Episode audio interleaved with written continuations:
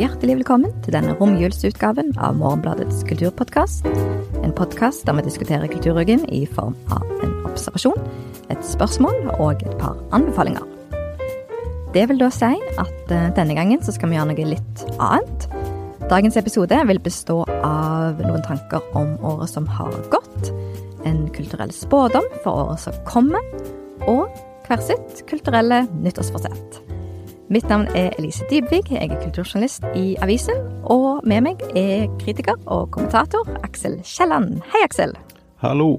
Når du skuer tilbake på 2023, Aksel, hva ser du da?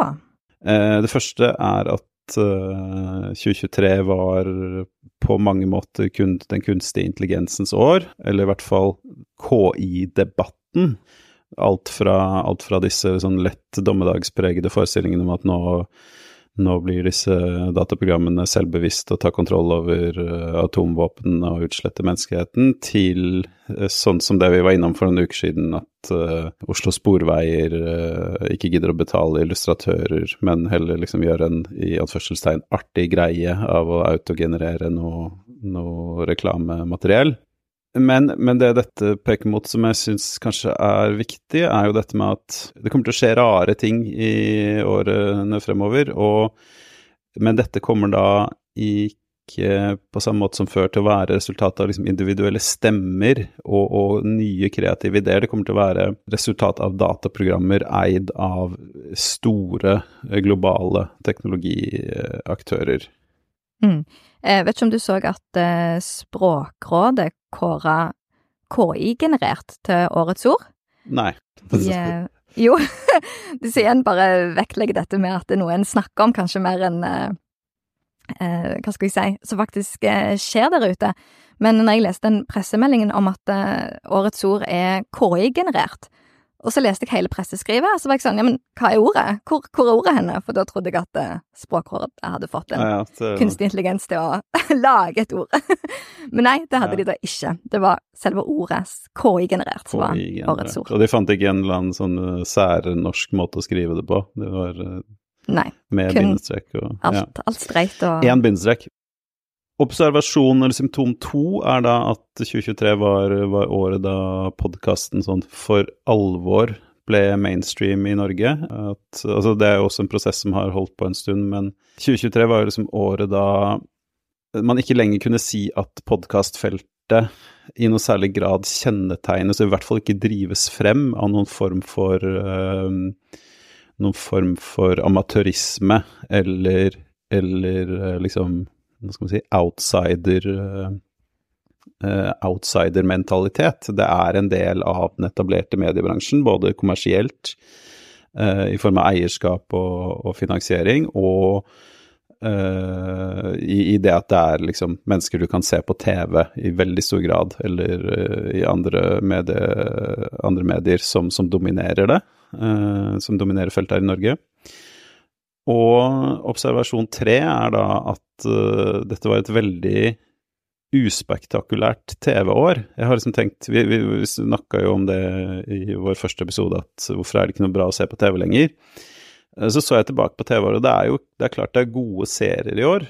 Kan vi bare trekke fram litt hva det er? For jeg, jeg har jo lest at liksom Makta, The Bears sin sesong nummer to, og du har um, oh, The Last of Us kom vel i år? Um, ja. Så det er i hvert fall det jeg ser går igjen på disse listene. Ja, jeg var ikke noe fan av The Last of Us, men altså, jeg har, de, de, som jeg likte veldig godt, var Barry, siste sesongen av Barry, siste sesongen av Succession. The Curse, som ikke har kommet på, på norsk TV, får premiere i januar. Jeg likte veldig godt uh, tredje sesongen av How to with John Wilson. Den uh, veldig underlige dokumentarserien som gikk på, på HBO. Jeg likte Nicolas Winning Refns Copenhagen Cowboy. Jeg likte den japanske tegnefilmserien Pluto. Jeg likte dokumentarserien Telemarketers. Uh, og jeg likte Makta. Makta skal vi snakke om en annen gang, så det kan vi vente med. Men generelt så, så, så, er det den der følelsen av at uh, det er ikke noe utvikling på TV-fronten lenger. Altså den utviklingen som fins, det er i retning sånn TV var før strømmetjenestenes tid. Så du har liksom virkelig følelsen av at uh, de store strømmetjenestene som uh, internasjonalt, som, som, liksom styrer utviklingen, de de har lykkes i å gjenoppfinne TV sånn dette fantes før digitaliseringens tid, langt på vei. Det ser du blant annet, altså det ser du ikke bare på programmering, uh, altså, og den utviklingen vi ser nå i retning mer reality og, og den type ting, men Eh, også i det at eh, i USA, og må vi tenke etter hvert eh, resten av verden, så, så, får stadig flere av de, de strømmetjenestene de får reklamealternativer. Altså at du, du, kan betale billigere abonnement mot at du må se reklame innimellom. Og, og da har man jo på en måte kommet Da er sirkelen sluttet, da. Da har han fått det til, da. Den uh, ville, ville gjøre, fordi at den hadde ikke lyst lenger å leve i strømmetjeneste-gullalderen der alt var organisert rundt den som brukte fenomenet. Nei, og, og det, er det, det, er jo det, som er røde tråden her. Det er at hvis vi ser på strømmetjenestene, fremveksten av strømmetjenestene som en reaksjon på måten folk brukte internett til å, til å dele ting og laste ned ting ulovlig, så var den jo i stor grad drevet frem av publikum. Altså publikums øh, ønsker og behov og hvordan de ville bruke dette. Og så har nå da Det har blitt erstatta av bare liksom sånn den, etablissementets dominans da, og, og, makt over på en måte alle ledd. Sånn at Det finnes jo fortsatt ulovlig nedlasting, men det er blitt et veldig mye mer marginalt fenomen enn det var. Og i stedet så har du på en måte flere typer gratis og billig TV da, som har tatt over. Det samme kan du si preger da podkastfeltet, og det preger Eh, eller i hvert fall en forbindelse til, til, dette med kunstig intelligens. Da. At det er store internasjonale aktører som får enda større kontroll over det vi ser og hører og snakker om og, og forholder oss til. Ja, skrekk og gru. Da eh, kanskje er mitt bidrag i denne seksjonen av det litt, eh, om ikke en lystigere slaget, litt mer håpefulle, kanskje. Fordi jeg har eh, i løpet av året fått en følelse av at vi nå litt sånn Jeg har vært med på siste runde med en viss type saker som handler om hvorvidt noe kan vises i beste sendetid, eller må kanselleres umiddelbart. Um, og der har jeg sett når jeg har gått på standup uh, i år. Um, jeg føler det er en slags trøtthet både hos komikeren og hos publikum, i form av å hele tiden bare skulle forholde seg til to ytterpunkter om hvorvidt noe er greit eller ikke greit. Kan vi gå der, eller skal vi overhodet ikke gå der? Og kanskje det liksom virkelig så at eh, nå, nå, har vi begynt å tømme en viss type sak, da. Gjerne så en med debatten om det var et eh, hån mot ytringsfriheten at musikkprogrammet til NRK bytter navn fra Jungeltelegrafen til Musikkreisen. Men eh, så liksom ferdig med det, og at en er mer interessert i hva er det som ligger imellom her, hva er det under, eller hva er det over? En virker ivrigere og bitte litt modigere enn før, altså, nå tenker jeg særlig på, på humorfronten, på å utforske det området som er tvetydig eller uklart, eller hvor en ikke vet hvor en vits skal lande, eller hvor det plutselig ikke lenger er så viktig om hva komikeren sjøl mener om akkurat denne problemstillingen.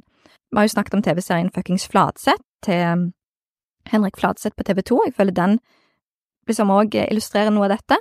Og det samme for eksempel at du kan ha et standup-show på um, Latter, som det er til komiker Jonas Støme, som faktisk bare handler om krenkedynamikk, og eh, der komikeren er totalt bekymringsløs, tilsynelatende, i hvorvidt eh, dette på en måte gir han noe problemer med salen, på noe vis. Og um, ja, det gir en i hvert fall et minne, et slags postlandskap for eh, om ikke akkurat krenking, for jeg tror du vil absolutt se mediene prøve å spille opp til sånne type saker, men det er en sånn forenkling der som eh, kanskje vi er litt lei av, forhåpentligvis. Ja, man kan jo kanskje håpe det. En, en ting som jeg alltid tenkt uh, har vært fraværende i den der kanselleringsdebatten, men som, jeg ofte bare glemmer å prate om selv, er det med at jeg tror det er en impuls der om å fraksjonere grupper. Jeg tror ikke Altså, der, vi har liksom tatt for gitt, vi har kjøpt den derre ideen om at alle skal kunne prate til alle hele tiden, at det er et gode, at det er en eller annen sånn eh, demokratisk verdi. Eh, det har, det har, liksom fått blitt stående uimotsagt veldig lenge, men så tror jeg mange egentlig ønsker å forholde seg til mindre grupper som er mer, litt mer enige med seg selv, i hvert fall som det går an å liksom ha en fungerende uh, samtale med. og Derfor tror jeg den der deler av kanselleringsiveren kommer av et sånt psykologisk behov for å minimere og fraksjonere samtalen. Men uh, jeg vet ikke om det er relevant i den sammenhengen. For at hvis det stemmer, så har man da Jo, absolutt. Men da har man også blitt Da har man også ferdig med det, da. Da har man, da har man liksom blitt mer komfortabel med det store, det store rommet. Jeg vet ikke om det stemmer. Nei, eller med Jungeltelegraf-saken, så, så var det jo veldig tydelig at mediene sleit med å finne noen som ville spille rollen som den eh, som var, var krenka, og det førte jo òg til noen utspill om at eh, nettopp liksom så synliggjorde at eh, denne type saker er det litt interesse for eh, på toppen av nettavisene, men får vi ikke folk til å spille de rollene vi vil gi dem, så får vi et problem. Og samtidig, hvis en òg tenker på det jeg ser på standup-scenen, at publikum òg virker uinteressert i denne type saker, for de er ikke De har ikke så mye å gå på lenger. Og når publikum, altså leseren av disse nettsakene, òg kanskje faller litt av, så vil det kanskje være mindre interessant å skrive akkurat denne type saker. Men det uh, finnes jo varianter som er mer, uh, mer givende å gå inn i, da. Men uh, det er litt sånn vanskelig å vite, for gjerne når du tenker sånn 'Å, oh, folk er lei', så betyr det bare at du er egentlig lei sjøl. Det kan godt være. Eller så er det kanskje bare sånn at når subjektredaktør Danby Choi har gjort en bok med tittelen 'Kanseller meg hvis du kan', ja, da er det på tide å komme seg videre. Så er det jo òg sånn at i Morgenbladet så har vi noe som heter Spåkula. Det er en gjettelek der man ved starten av året svarer på en rekke spørsmål om hendelser i året en har foran seg og den som har flest riktige svar ved årets slutt, får da faktisk en vaskekte spåkule i glass. Nå eh, ligger det 25 spørsmål inne på, eh, i et nettskjema på Morgenbladet sine hjemmesider. Kan vi, det kan vi lenke til i denne episodebeskrivelsen. Og der er det eh, spørsmål som da må besvares innen 7. Eh, januar. Det er spørsmål som anerkjenner Norge Palestina som egen stat? Vedtar Stortinget å utvide grensen for selv bestemt abort til 18 uker? Blir det oppdaga liv på en annen planet? Deltar Oliver Lorenzki i Farmen kjendis? Og blir Barbie-regissør Greta Gerwig den fjerde kvinnen i historien som vinner Oscar for beste regi? Hva tenker du, Aksel, om det siste der? Er det sjanse for at Greta Gerwig vinner Oscar? Nei, et, et kan jeg, Altså, man uh, Det stalltipset er jo at uh, Gosling vinner for sin, uh, sin tolkning av Ken. Mm, det er vel beste birolle, kanskje? Ja, så tror jeg kanskje filmen får en uh, nominasjon for beste film, men det er jo liksom en produsentpris, da, så jeg tror ikke hun, uh, hun verken blir nominert eller får prisen for beste regi. Men uh, hvis det er noe Oscar-utdelingene har lært oss de siste årene, er at ingen vet noen ting lenger, så hvem vet? ja, men det er bra. Da kan vi òg by på våre egne spådommer. Du kan eh, gå først, Aksel. Ja, jeg, skal, jeg er litt enspora i dag, men uh, min uh, spådom er at NRK kommer til å unnskylde, komme en offentlig beklagelse for bruk av kunstig intelligens. De kommer til å finne en eller annen ting de skal bruke det til, uh, og så kommer det til å gå galt, og så kommer folk til å bli sure, og så kommer de til å føle et behov for å beklage det de gjorde. og det er kanskje litt sånn der, eh, det er litt sånn KI-tilnærming til spådom, fordi at vi vet at NRK beklager ekstremt mye ting eh, for tiden, og det er mye kunstig intelligens i omløp, men det er min spådom.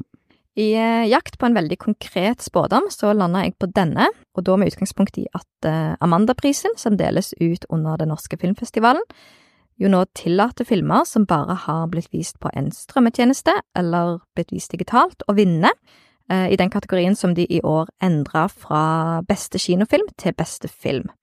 Og det var da etter et stort press, der blant annet eh, Norsk Filminstitutt trakk seg fra Amanda-komiteen, og det blei vist til hvor feil det var at eh, Netflix-suksessen Troll måtte holdes ute fra denne kategorien. De viste òg til Viaplay-filmen Gulltransporten, som at den òg var nå utestengt. Og ok, så da har vi nå en kategori som heter Beste film, som leder oss til spådommen min, som er denne. Ingen norsk strømmefilm kommer til å vinne pris for beste film under neste års filmfestival i Haugesund. Og sånn sett så var det jo ganske flaks for de som eh, ville holde på kinofilmens liksom høye plassering i eh, heder og æredelen av filmsystemet. ettersom nå er det jo økonomiske nedgangstider for strømmemarkedet, sånn at det å skulle investere i en norsk film som kun skal gå på strømme, en strømmetjeneste, det virker jo bare litt smått, smått absurd. Og eh, så da, selv om du har bytta kategorien, så vil du fremdeles, ja, fortsette å eh, drysse på eh, kinofilmen. Sannsynligvis så vil jo dette bli en Netflix Altså det vil kun være Netflix-produksjoner, da, i tilfelle når det kommer en Troll 2. Så, så vil det på en måte bli aktuelt. Men jeg, jeg tror du har rett. Og for noen år siden så hadde du jo en sånn prat i, i Oscar-akademiet om at man trengte en ny kategori som var noe sånn beste populære film eller noe sånt, fordi at de innså at det var Ja, folkets favoritt. Ja, de, ja. Altså, så kan det at det blir noe sånn For det, det har jo vært et problem nå for Oscar-utdelingen lenge at det er de små filmene som veldig få mennesker ser, som blir nominert, uh, og da marginaliserer jo showet seg selv. Men så har jo Amanda vært ganske marginalt lenge, så hvem vet? Ja, det er nettopp det. Men det er jo fascinerende når du òg lenge hadde en, en diskusjon om eh, Odd Cannes-filmfestivalen, eller alle de som har holdt veldig på at skal en, skal en film få eh, anerkjennelse, så må han ha vært gjennom eh, kinodistribusjon.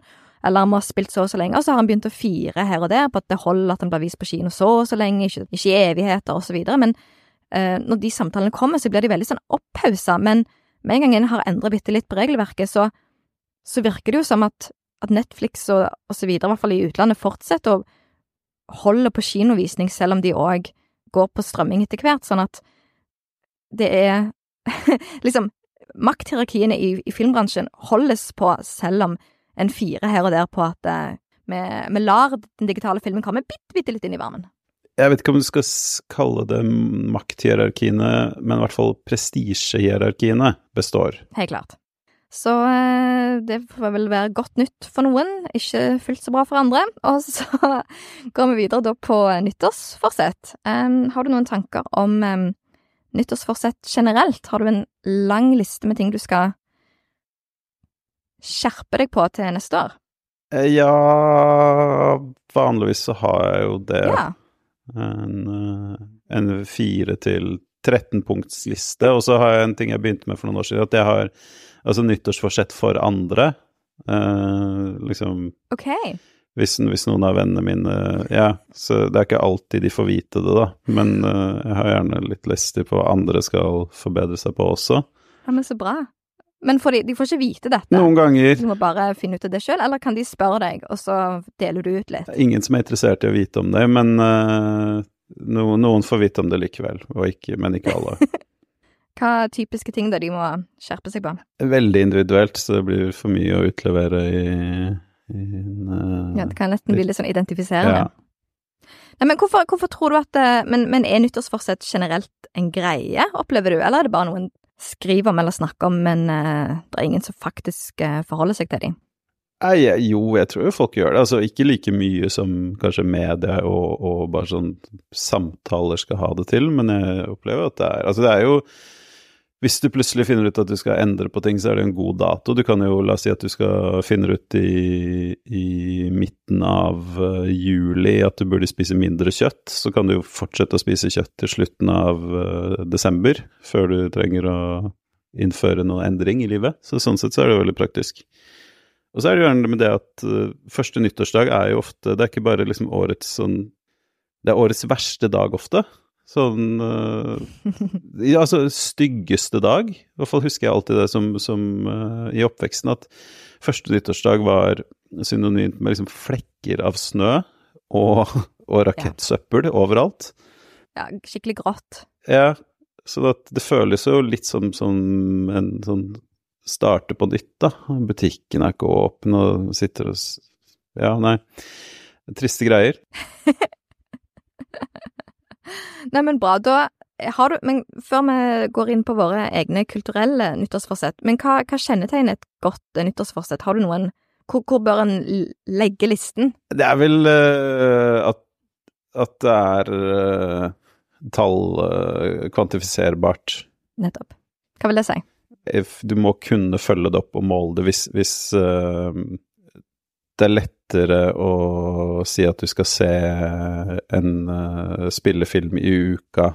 Det er lettere å følge opp det enn at du skal bli en uh, litt bedre person. yes, for da kommer vi jo inn på det som er mitt nyttårsforsett. For før, uh, men før jeg kommer inn på det, så vil jeg jo bare nevne, for det har jeg ofte opplevd at jeg må vokte meg for at jeg skal gjøre mer av noe. Jeg kan ikke si at jeg skal trene mer hvis jeg ikke da samtidig sier jeg skal sove mindre, eller jeg skal lese mindre. At du må ha én ting som veier ut det andre, hvis ikke er det eh, fort gjort at andre nyttårsdag kommer, og så eh, er du tilbake til ditt vanlige jeg. Men det jeg da har, har landa på, jeg er redd at det høres litt corny ut, for folk har ledd når jeg har eh, presentert det, og jeg tenker også at det er kanskje bitte litt vel ambisiøst, men here goes. Jeg skal da reise jorden rundt gjennom film. Hver uke så skal jeg til et nytt land, og i um, form av en film fra dette landet. En slags interrailtur som jeg aldri dro på. Tanken er å gjøre noe med det at jeg ser, uh, i hvert fall føler jeg ser altfor mye engelskspråklig film. Så, uh, men det gjelder jo òg å sørge for at jeg ikke bare ender opp med å se franske nybølgefilmer fra 60-tallet, for eksempel. Så da tenker jeg òg at noe av uh, nøkkelen til å lykkes med et nyttårsforsett er at du har planlagt det litt på forhånd, sånn at det ikke du skal bare presse noe inn i den hverdagen du allerede har. Så jeg har eh, lagt opp i hvert fall starten på ruten, der jeg først drar til Sverige og skal se Ruben Østlund sin Fors Jeg vet ikke hvordan jeg sier den filmen. Fors my, my, my Jeg tør ikke si det. Jeg har en sånn flauhet med å uttale ting feil. Turist. Si turist.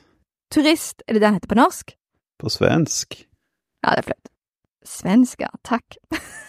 Vet ikke hvorfor jeg kom over den tittelen. Ja, men det er bra. Da, da, har jeg allerede, kan jeg si det mye enklere, Turist av uh, Ruben Østlund. Og så har jeg funnet ut hvor han ligger. Han ligger på Apple TV. Og så Finland, eh, Drifting Clouds, Aki Kaurismaki. De har en del av filmer av han nå, på Mubi, ser jeg. Og så skal jeg videre til Russland og se Solaris. Og så lander jeg på Estland, men der har jeg foreløpig ikke funnet noe som helst. Så der vet jeg ikke hva jeg skal gjøre. Det var eh, en dokumentar, eller har vært en dokumentar, som har versert på veldig mange festivaler i år. En estisk dokumentar om uh, badstuekultur. Som heter uh, Smoke Sauna Sisterhood. Ja, som stemmer. folk skryter veldig av. Ja, men det er flott. Du... Ikke sett den selv, men har hørt gode ting. Og så er det jo da, som du kan ta til hjelp, i denne sammenhengen. Eh, det fins jo en liten eh, filmfestival i Oslo som heter Baltiske filmdager. Arrangeres på høsten. Aha. Eh, så der kan du jo gå etter i Se på litt programmer og Ja, det var ikke dumt. Og sånn type ting. Kult. Det var jo en bølge, fikk man følelsen av på, på internasjonale festivaler for nå, jeg vet ikke åtte-ti år siden. Da hadde man følelse av en baltisk bølge. Eh, og det var jo liksom sånn eh, Ofte liksom smarte, sti, stiliserte filmer som var ganske bra, men som på en måte ingen helt Eller i hvert fall få av de brøt liksom vel helt gjennom, da. Sånn, men det er interessante ting der. Ja, men så bra. Så da, og for å igjen holde meg sjøl litt ekstra ansvarlig, jeg har en ikke særlig aktiv eh, Twitter- eller X-profil, så hvis jeg eh, fortsetter å henge der eh, utover året, så tenker jeg at jeg hver uke legger ut tittelen jeg skal se denne uken, pluss hvor jeg ser den. Så da er det òg veldig gjerne å komme med forslag, eller følge med, eller bidra med sine egne filmseingmål gjennom året. Tror du jeg har sjans på dette? Det høres gjennomførbart ut, så må bare liksom velge veien med omhu litt når du kommer inn i Sentral-Asia og sånn. Det fins jo filmer derfra òg, men det blir litt vanskeligere. Det er fort gjort, så jeg, jeg ser jo det at jeg må skaffe meg en eh, Kanskje en Ikke akkurat VHS-spiller, men eh, jeg har begynt å tenke hva, hva koster en Blu-ray-spiller for tiden? Fordi at her er det mye film som jeg ikke finner på Netflix. Da ser jeg plutselig The Talented Mr. Ripley, sånn som jeg gjorde i forrige uke, og uh, angrer bittert på det. så la oss uh, ta ditt forsett, Aksel. Jeg skal skaffe meg anlegg. Det er, eh, det er nyttårsforsettet mitt at jeg skal for første gang i mitt liv få et godt stereoanlegg. Og jeg skal potensielt også koble det opp mot uh, TV-en min. Uh, det siste må vi se litt på, men jeg skal i hvert fall få Jeg skal, fall, jeg skal flytte om ikke så lenge, og da, da har vi litt bedre plass, og da skal jeg få Egentlig hele den kulturkonsumerende situasjonen min skal oppgraderes. Både liksom hva gjelder opp, oppbevaring av bøker og tegneserier, og, og steder å lese de, og, og alt sånt. Det skal oppgraderes. Det hørtes veldig, veldig fint ut. Um, men når det gjelder stereoanlegg, er det for å høre på musikk, først og fremst, eller er det Ja, det er Jeg har blitt uh, Altså, jeg, jeg da liksom podkaster for alvor begynte å komme for sånn 12-13 år siden, så, så to, gjorde det et veldig innhogg i, i musikklyttinga mi, og det har det fortsatt med. Og så har jeg de senere år gjort litt sånn tiltak for å ikke bare på, på sånn ganske sånn standard gammelmannsaktig vis bare høre musikk jeg liker fra før av, eller musikk som ligner gammel musikk jeg liker. Så jeg prøver liksom å, å høre litt nytt og se litt musikk når det lar seg gjøre. Men uh, ja, så håper jeg da at et bedre anlegg vil, vil gjøre det enda mer uh, lystbetont og givende og alt sånt. Så da mot slutten av 2024 så vet en om du har eh, klart ditt eh, kulturelle nyttårsforsett, Aksel, ved innkjøp eller ikke innkjøp av stereoanlegg? Ja. Eller jeg, jeg, kan, jeg, kan, jeg, kan, fortelle om det, hvis noen spør. Høres veldig bra ut. Og veldig eh, målbart, som jo er det en er ute etter. Jeg kom på forresten at en venninne av søsteren min hadde en gang et uh, nyttårsforsett om å gå mer med rød leppestift. Mm. Og det bare føltes som det perfekte mer av type nyttårsforsett, fordi at det er sikkert noe du har liggende et eller annet sted, og det krever kanskje, vet ikke, fem sekunder ekstra av deg i løpet av dagen. Um, så egentlig så burde en ligge der, har jeg tenkt. Men da tror jeg at vi runder av og sier tusen takk til alle som har lytta til oss i uh, eh, 2023, og håper på mer lytting i 2024. Eh, eh, så får alle bare ha en veldig fin jul og et nydelig nytt år. Vi er tilbake 16.